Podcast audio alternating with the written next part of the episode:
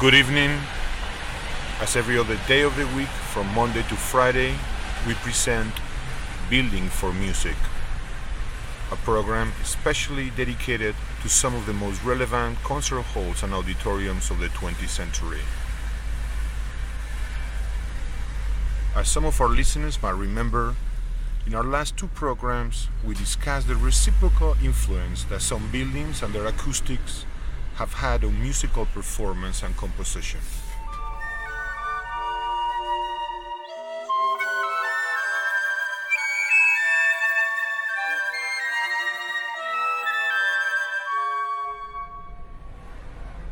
We mentioned the Boston Symphony Hall, whose elliptical ceiling arches were intended to diffuse reflected sound evenly, but they actually focus sound into the central seats. We also mention the Kulttuurilato Hall in Helsinki, designed in his classical fan-shaped form by Alvar Aalto. A building conceived to have a very low reverberation time as an homage to Sibelius' Fifth Symphony.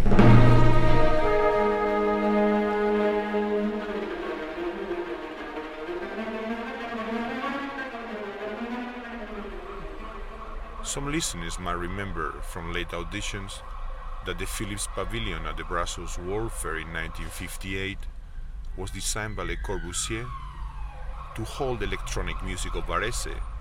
In some way, the Philips Pavilion presented itself as a clear construction for music.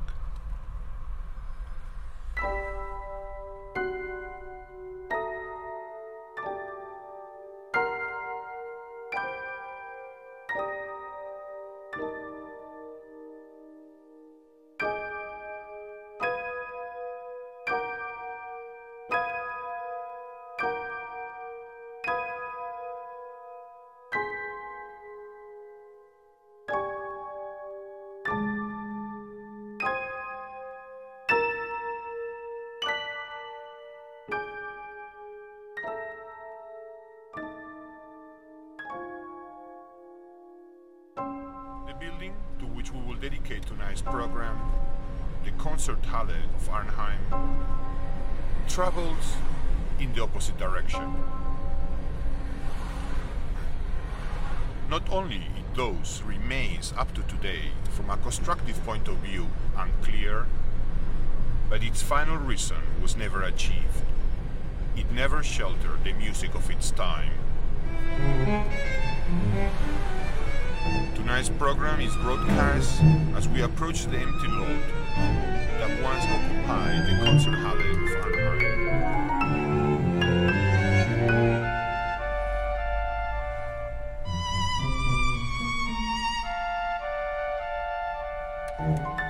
Erected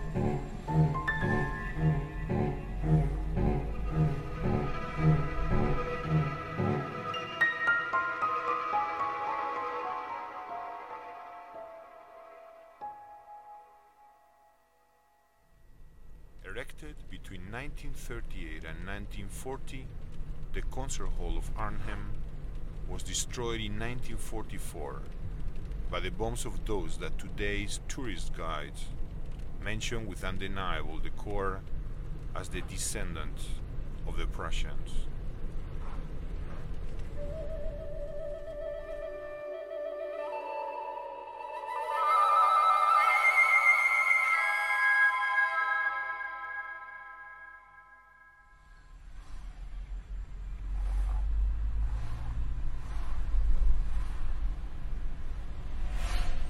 But was this city ever destroyed?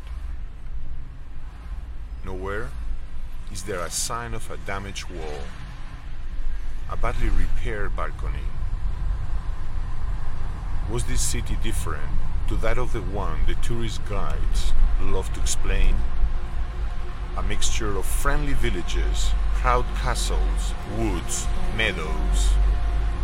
But then, to live in an insipid city is perhaps the reward of the just people.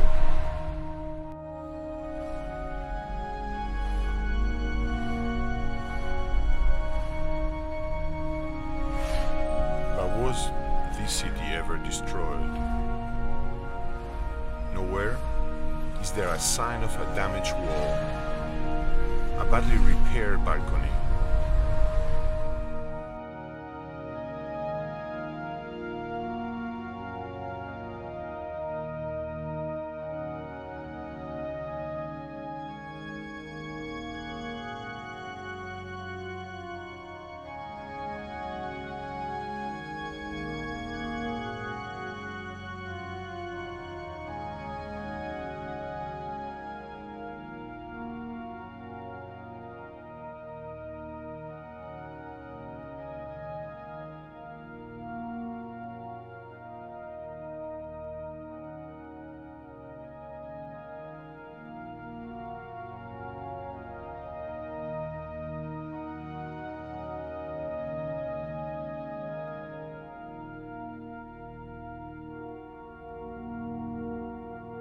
Gentlemen, allowed me an image, the very same image used in contempt of my project. It's been said that the concert hall that I'm asked to build, and some voices despise, is but an immense, hollow, empty warehouse. Yes, those voices are right. I have not come here today to defend my person.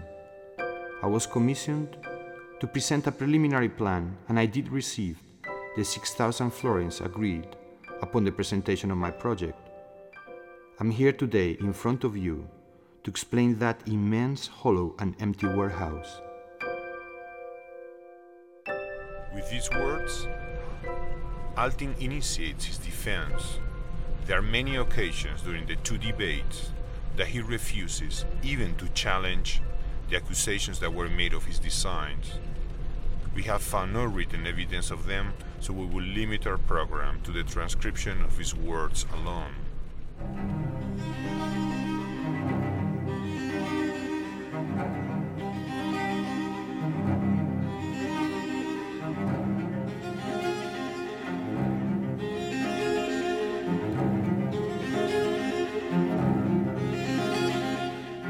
I'm being accused of imitating the etchings that 300 years ago illustrate the reason of Athanasius Kircher.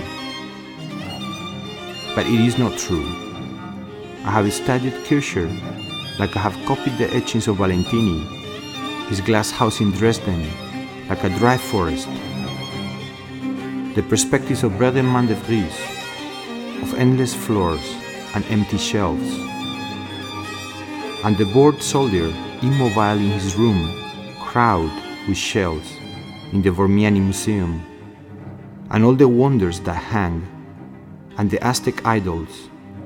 And I have used a trick or two that I learned by walking through two or three churches in Palermo. I brought them all here.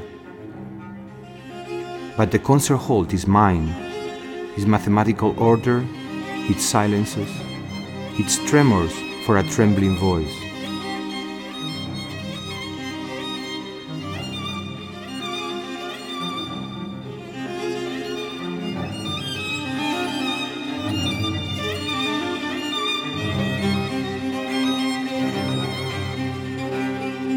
I'm here today in front of you to explain that immense, hollow, and empty warehouse.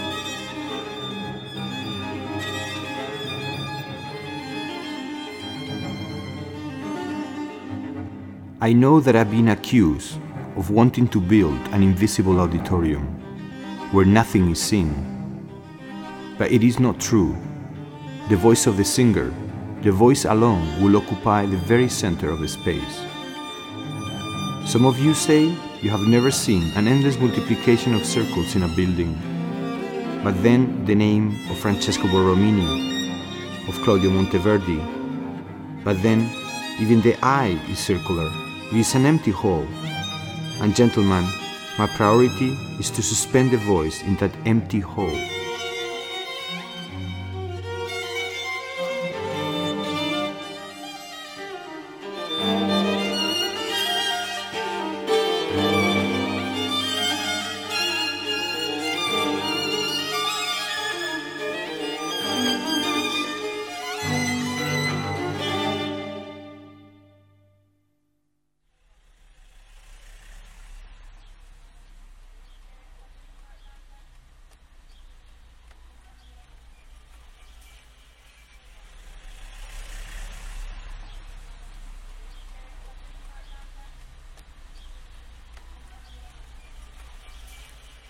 1938, in the faces of a crowd of people parading on the green streets, walking, talking, shopping, going on to or from work, entering a door, waiting at the red light, a different sign was slowly becoming visible.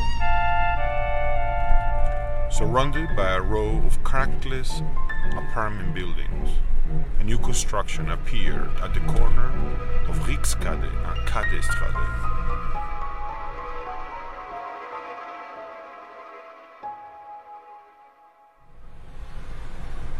Tonight's program is broadcast as we approach the empty lot that once occupied the concert hall of Arnhem.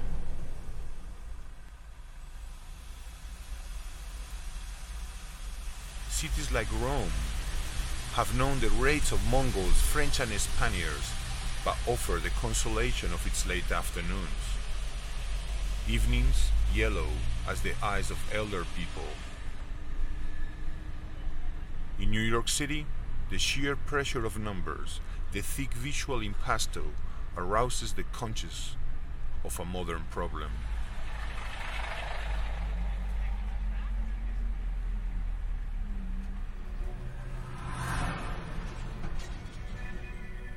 In 1938 the city officials asked Johann Alting to construct a large auditorium for music, few significant limitations were placed on the drafting table.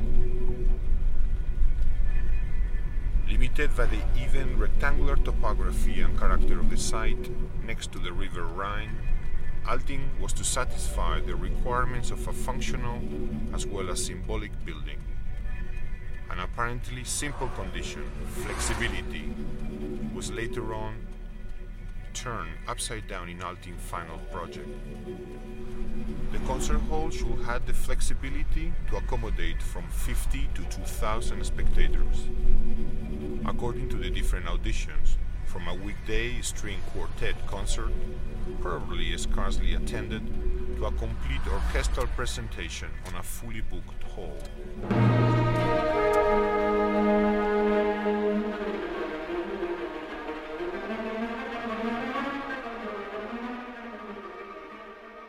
I know that to some of you, the ground plan might appear confusing, but allow me to explain it.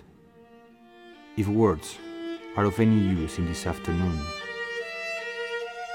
You ask, why do I need several rooms instead of a unique large hall? Shouldn't this question be the reverse? Why it is necessary a single space?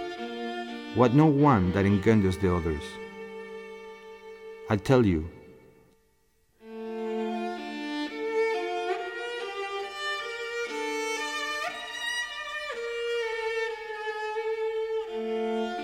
I'll tell you. There is no ideal sphere. There is only blurred spaces, where all empirical bone is useless. There only exist simple units, like a circle that intersects with another circle and produces the oval shape of a cupola and then, because of the crossing of a second wall, provokes the appearance of the curved ceiling and the exact position of the columns.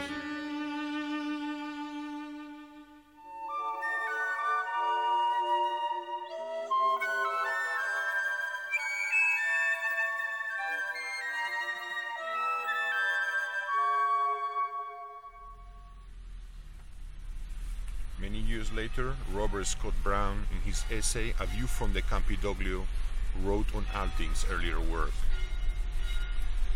The order of Johann Alting projects is not based on serenity or drama, or consistency, but on tension. His power comes exactly from the tension these deviations produce. His monumentality, as in the concert hall in Arnhem, is always exact. In where and how it is used, and it is suggested through a tense balance. What I want to build is a space where the epiphany might occur, a stanza for a representation, a room all exile, a building exact, ordered, needed, autonomous and above all realist, a space to speculate, but in the ancient sense of a speculare, a mirror reflection, not square or round but elliptical, two circles, the second interrupted, above all, a place without direction. Straight ahead. Straight ahead and make a left.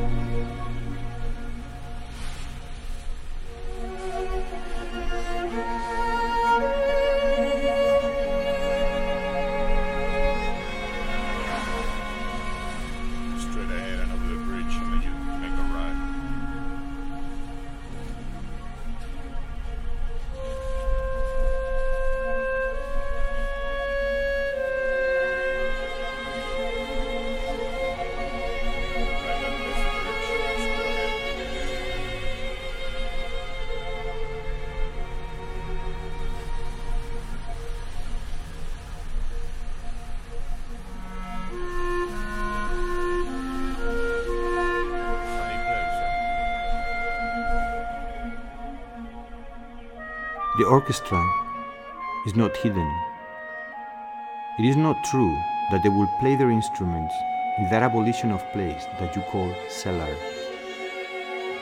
Its proportions are identical to the upper part, and I know that in this way the sound will ascend towards the audience, an audience invisible for the musicians, and musicians invisible for the audience. But I know that the sound will ascend and so it will assume an unreal clarity and ghostly presence.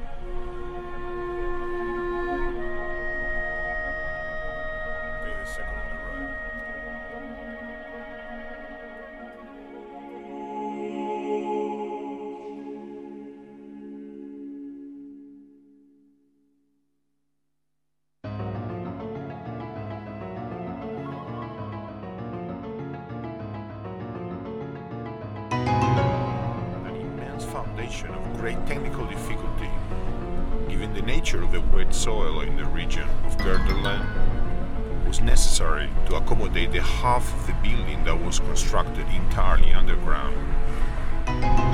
This bottom half of the concert hall, a twice tall interior, was structurally identical in every detail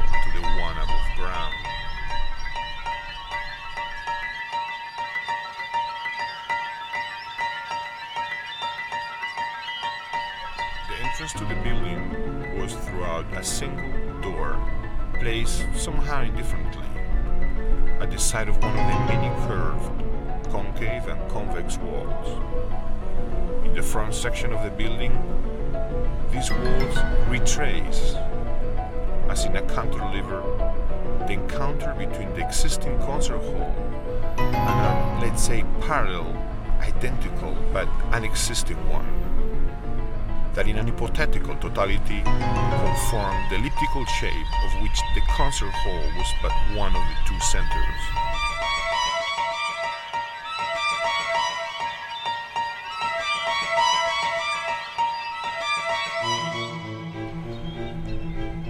Himself said of his concert hall that it was of a difficult geometrical probability.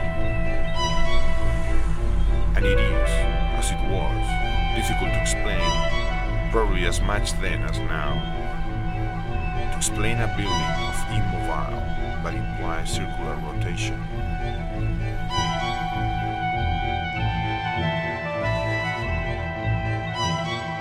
Gentlemen, you want me to explain this building, and I say to you, that's what I'm trying to do to myself.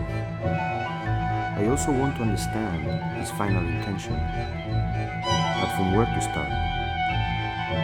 As I was coming here, passing through Utestraat, I observed that as I was walking, I could never see both of my feet at the same time.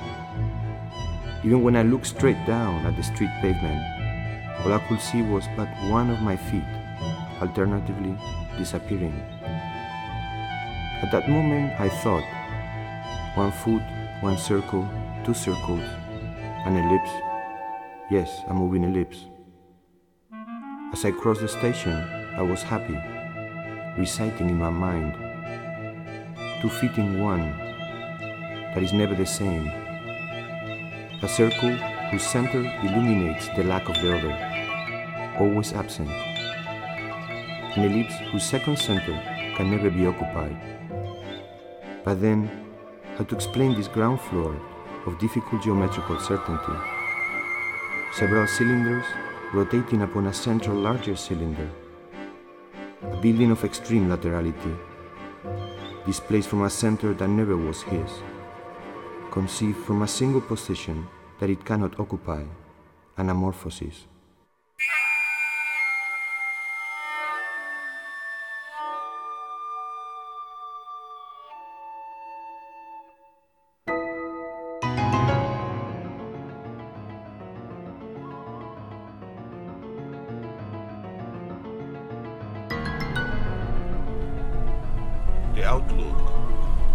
concert hall was essentially an immense central cylinder of 30 meters of radius, surrounded and intersected by what appears to be six to seven cylinders of equal height but smaller diameter that cut and intercut between themselves and the largest cylinder. It is true that it is immense. I want to build not one, but two auditoriums in one. An underground one for the musicians, and the upper part for the audience. I know it is truly immense, so big as it has never existed in the city of Arnhem, twice the size of the Musis Sacrum.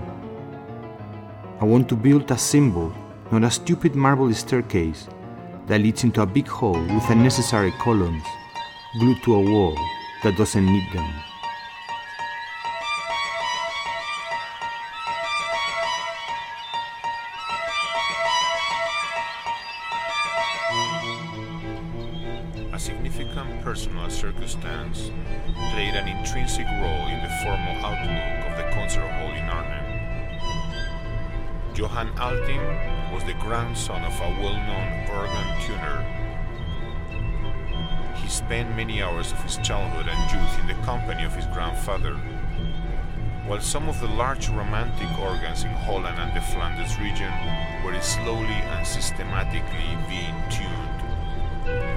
But now, I must say that as I walk through the streets of my hometown, before coming here, in front of you, I went to see the empty lot.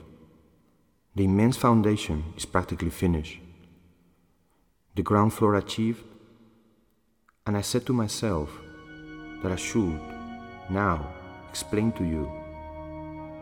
I conceived this concert hall as if I had never seen one before, as if no one ever before had built an auditorium, as if I had nothing to refer to, only the sense of a place where the voice of the singer could be heard, where the voice emerged and at the same time it listens to itself, not like an echo, no, two centers, but then where to start. Visits to the magnificent and poignant construction of pipes of up to one and a half meters stories high, as in the Antwerp Cathedral, took the form of a hidden structure of ascending sounds in his projects for the concert hall. The organ tuner, by pressing the pedalier down by 2 centimeters, actuates a lever that moves a small road, that pushes carefully 10 meters away another lever that tilts a reed, that opens a pipe to the air and to the sound. A sound that came from away, and more important for Alting Concert Hall, a sound that came from below. It is difficult to explain. Today, 10th of February of 1939, when a modern world is collapsing and the afternoon coming. To explain that my building is not attempting to decenter its elliptical shape, in the sense of the Keplerian cosmology, where the rotation has been dilated and the planets as equidistant points adopt curves animated by their own inner tension. I have to say that the cosmology of curved walls and curved floors of the concert hall travels towards the future. I position the center of the compass not in place but in the place of the voice, the voice of the singer the voice alone.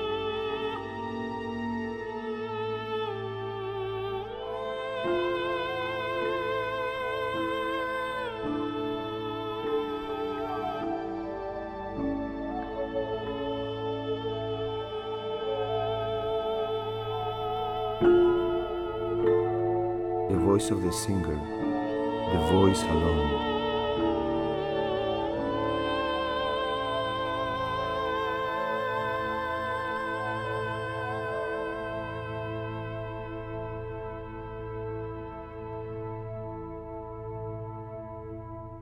Excuse me, gentlemen.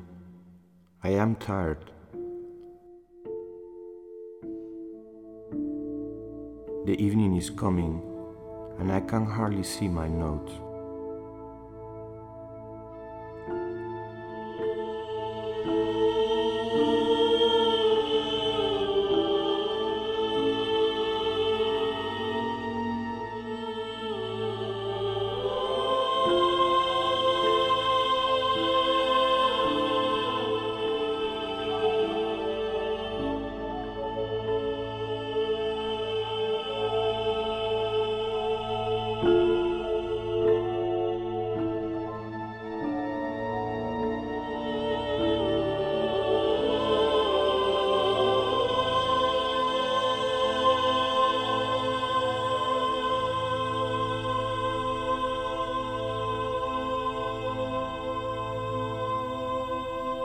Somebody open the window?